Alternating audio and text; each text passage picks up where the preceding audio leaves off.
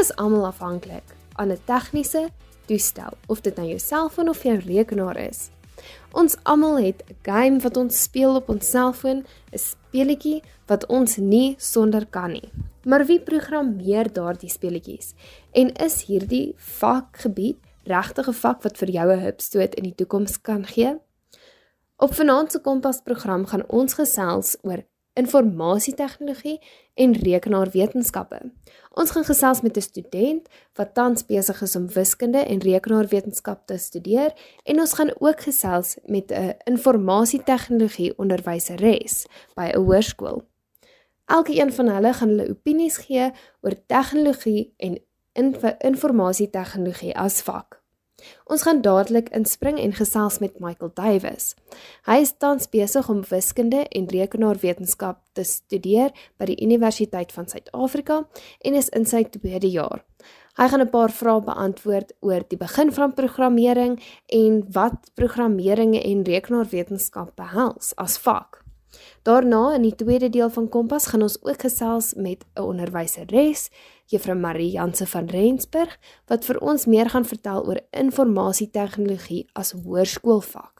Wat behels die vak? Wat is die pilare waarop die vak gebou is en gee hierdie vak vir jou werklik 'n hupstoot in jou toekoms?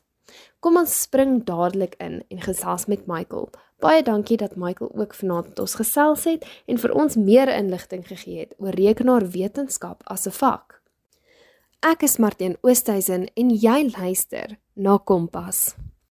Jy luister na Kompas op RSG. Ons gesels tans met Michael Davies. Hy gaan vir ons meer vertel oor sy studierigting. Hallo Michael, hoe gaan dit? Goed, dankie met jou. Dit gaan goed, dankie. So vertel my, wat studeer jy en waar? Ek studeer wiskunde en rekenaarwetenskap by die Universiteit van Suid-Afrika.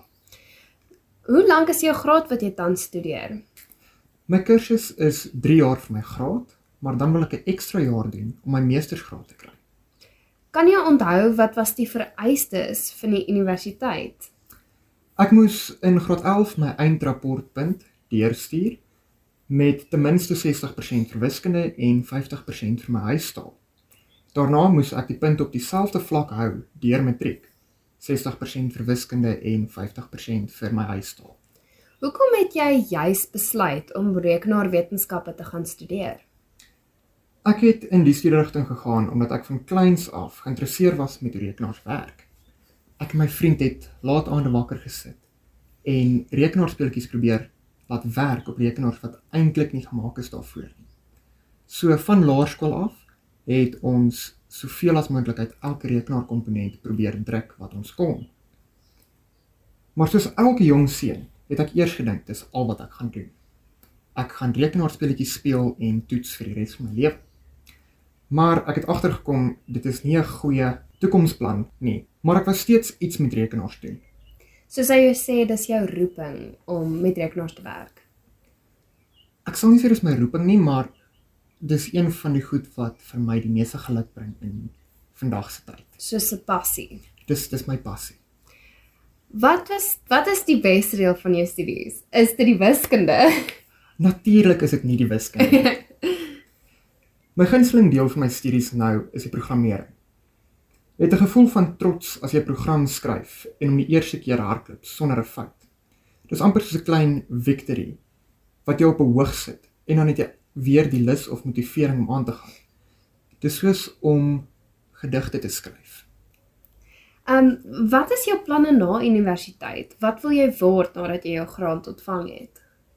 Ek wil 'n sagteware programmeerder of sagteware ingenieur word. Soos Windows of Android wil ek die stelsel skryf waarop alles gelaai word. Soos jy weet, het elke werk sy struikelblokke en studierigting het ook sy eie struikelblokke. Wat is joune? Wat was joune en hoe is jy besig om te werk om dit te oorkom? Soos jy vroeër gesê het, is wiskunde my gunsteling struikelblok. Wiskunde op skool is klaar moeilik, maar nou met algebra wat meer en meer ingewikkeld word, nie eers te praat van kalkulus nie. Die enigste manier om dit te oorkom is om te oefen en hard te leer. So jy sê jy het definitief gewone wiskunde nodig op universiteit ag op skoolvlak, ekskuus. Um om programmering te gaan studeer? Dit is 'n vereiste vir meeste van die programmering kursusse, maar daar is sekere kursusse wat nie wiskunde nodig het nie. Soos 'n diploma byvoorbeeld. Ja, jy kan 'n diploma doen of 'n oorbruggingskursus staan wat jy um, wiskunde in jou eerste jaar moet vat om dan in die tweede jaar dit nie te hoef te vat nie. Um, het jy raad vir jong mense wat wil begin programmeer? Almal wil mos boffins wees met rekenaars en programmering. Vandag is dit eintlik baie maklik om in programmering in te kom. Daar is baie video's wat alles verduidelik, van die basiese hello world tot by die gebruik van arrays om waardes te bepaal in 'n 3D matriks. So programmering is eintlik baie maklik om by in te kom. Die teoretiese deel van rekenaarwetenskap is bietjie moeiliker. Jy moet datastrukture, wiskunde, logiese algoritmes en die teorie van hoe elke komponent bymekaar gesit word en werk leer. Dis nie onmoontlik om dit self te leer nie, maar ek sou nie alles alleen kon doen nie. So as jy self terwyl jy nou werk aan jou universiteit werk, as jy self sukkel met 'n sekere deel van jou programmering, gaan jy na hierdie video's op YouTube byvoorbeeld? Die video's op YouTube help verskriklik met die programmering, maar as ek sukkel met wiskunde of met die datastrukture, dan is my lecturers by die universiteit altyd meer as gelukkig om my te help en gewoonlik antwoord hulle nog op dieselfde dag al is dit 10:00 die aand. So jy sê eintlik niemand moet bang wees om hulle onderwyser te vra nie. Nee, jy hoef nie bang te wees vir jou onderwyser nie. Hulle sal nie byt nie, ek beloof. Het jy dan 'n raad vir jong mense, leerders in graad 9 tot graad 11 wat met vakke kies en in jou rigting in wil ingaan? As jy die keuse het om alfa wiskunde of add maths of hoër graad wiskunde te vat, vat dit. Daarsoos sal jy agterkom baie vinnig of jy van die wiskunde hou en of jy daarmee kan werk. Anders vat 'n kursus wat nie wiskunde nodig het nie. Daar is, soos ek vroeër gesê het, programmering kursusse wat nie wiskunde nodig het nie, waar jy meer op die praktiese deel van programmering fokus. Het jy enige raad vir matriekleerders? Bestuur jou tyd. Moenie 'n projek of leerwerk los tot die laaste minuut nie. Watter tipe programmeringtale is daar? Ek weet self van C++. Ehm um, waarmee stel jy voor beginners ehm um, beginners van programmering begin mee? So jy kry hoërgraad en laergraad programmeringstale waar die laergraad programmeringstale meer rekenaartaal is. Dis nader aan binêr wat dit nul, nulle en ene is. En dan hoërgraad um programmeringstale is nader aan Engels of Afrikaans wat ek en jy praat. So die voorbeeld van 'n hoërgraad um programmeringstaal is soos jy gesê C++ van die sintaks wat hulle gebruik is Engels en ons verstaan dit baie makliker. Maar 'n laer graad programmeringstaal is iets soos COBOL of Pascal wat baie nader aan masjientaal is. So die grootste programmeringstale wat ons vandag het is Python, C++, C Sharp, C, Visual Basic, Delphi, maar die maklikste van daai om te leer sal C Sharp of Delphi wees want die um, sintaks is baie gebruikervriendelik en as daar so 'n probleem is dan verduidelik die program baie goed vir jou wat die probleem is en waarom om te gaan kry. So hulle leer jou amper hoe om te programmeer. Hulle leer jou makliker om te programmeer, ja. Weet jy ehm um, of besighede 'n sek 'n spesifieke programmeringstaal gebruik of gebruik elke besigheid sy eie programmeringstaal? Dit hang af wat se besigheid jy beïngaan. As dit meer datastrukture is of um databasisse is waarmee jy gaan werk, gaan jy SQL moet leer. Anders as dit soos 'n uh, toepassings is wat jy gaan skryf, gaan jy baie meer in Visual Basics of C# werk. Of dan as jy op 'n internet of 'n web gebaseerde besigheid is, gaan jy meer met HTML of Notepad++ of JavaScript werk. Is dit baie moeilik om die um, verskillende programmeringstale te leer? Dis aan die begin baie moeilik om die sintaks te leer, maar soos wat jy aangaan kom jy agter wat se goed werk en wat se goed werk nie. elke programmeringstaal se sintaks is dan so 'n bietjie anders as die vorige een as ek nou van my kop af moet dink. In Delphi as jy 'n if statement gebruik wat toets of iets waar of vals is, dan sit jy nie jou um jou parameters in 'n uh, in sy eie afsonderlike blok nie. Waarby C++ moet jy dit afstaan sy afsonderlike blok wat hy toets vir daai spesifieke parameters. Ek weet dit gaan nou 'n simpel vraag wees. Uh wat is sintaks? Sintaks is soos die um sinskonstruksie vir ons. As ek vir jou sê ek doen geniet Afrikaans, dan gaan jy vir my sê dis verkeerd. Ek geniet Afrikaans.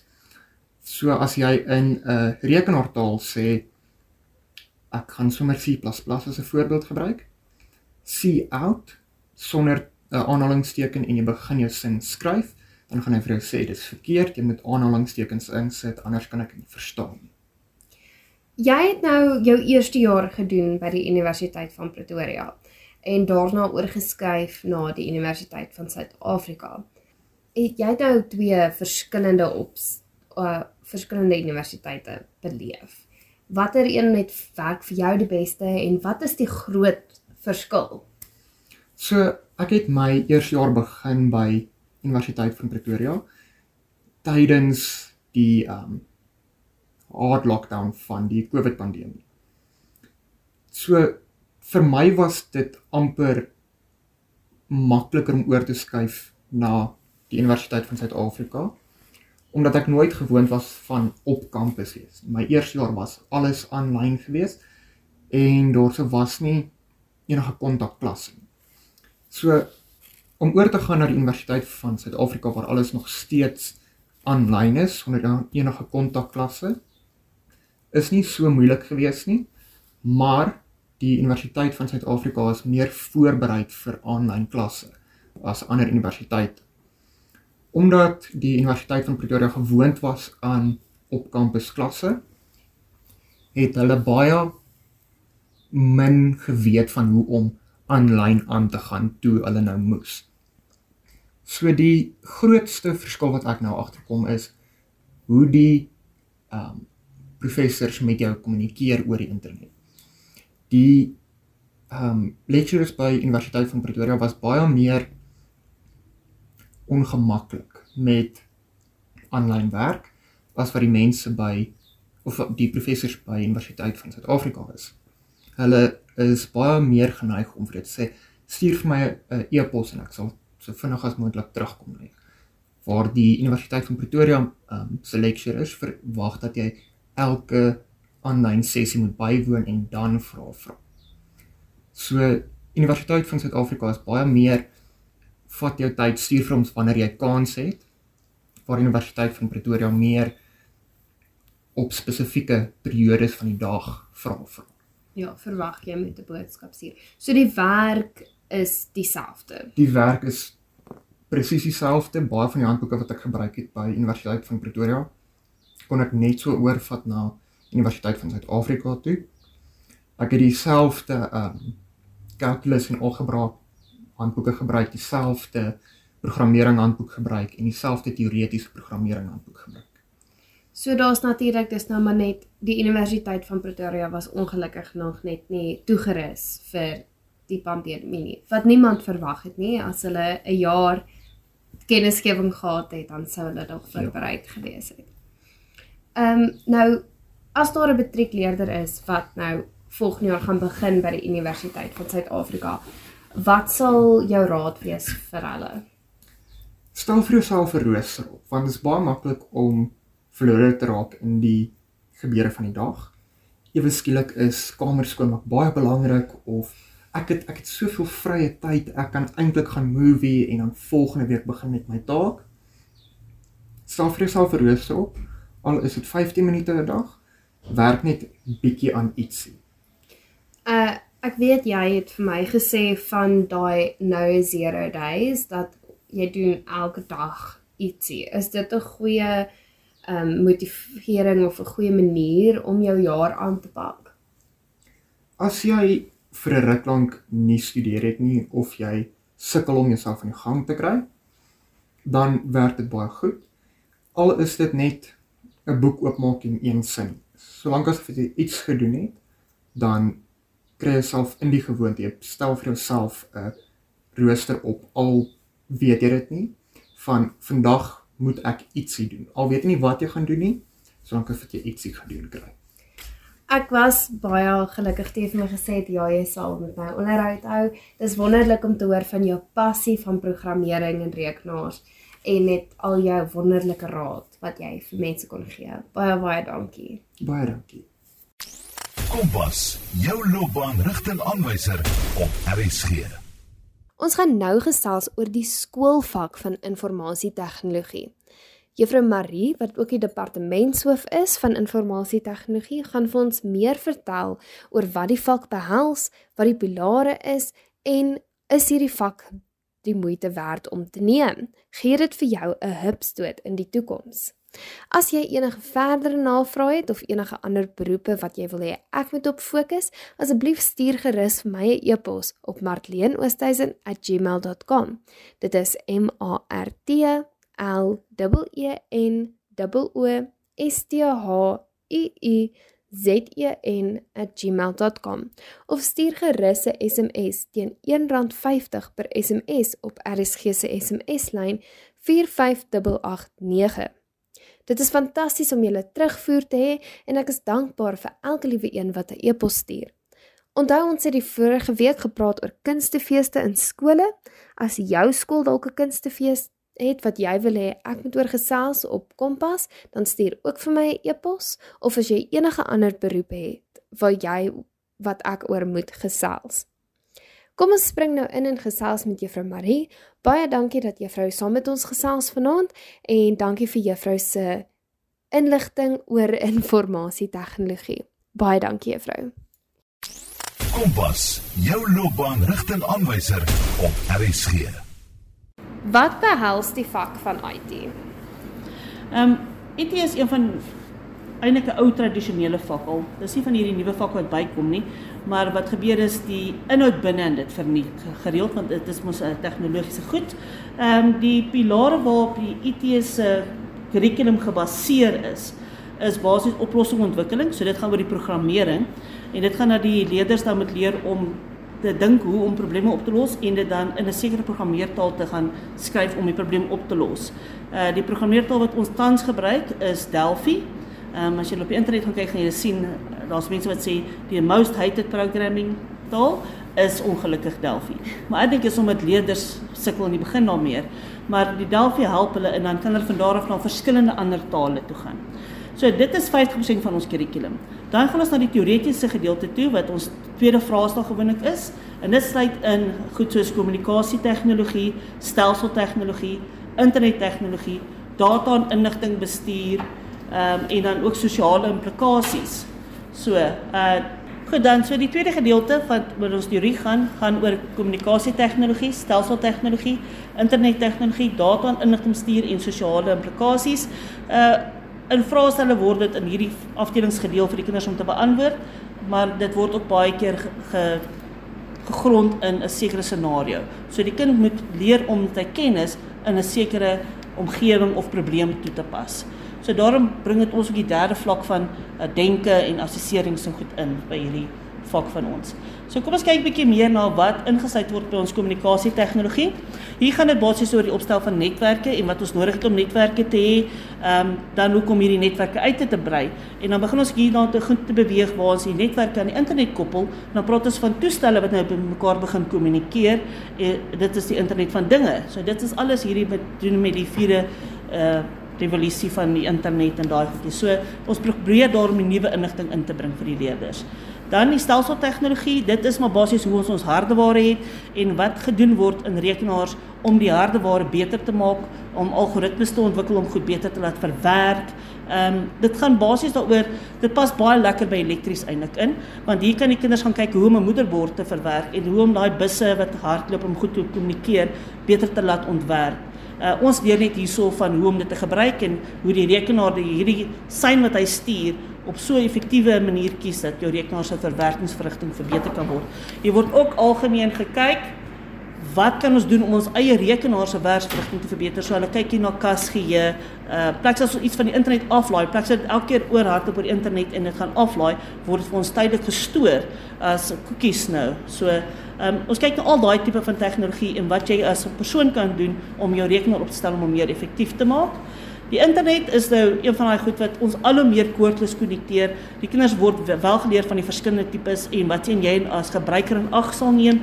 Ehm um, ons kyk daar byvoorbeeld na as jy na advertensies kyk wat een sal jy as gebruiker gebruik het want dit word bepaal deur waarvoor jy jou internet nodig het. As jy 'n persoon is wat rondbeweeg en van verskillende plekke wil werk, wil jy eers mobiele internetkonneksie hê.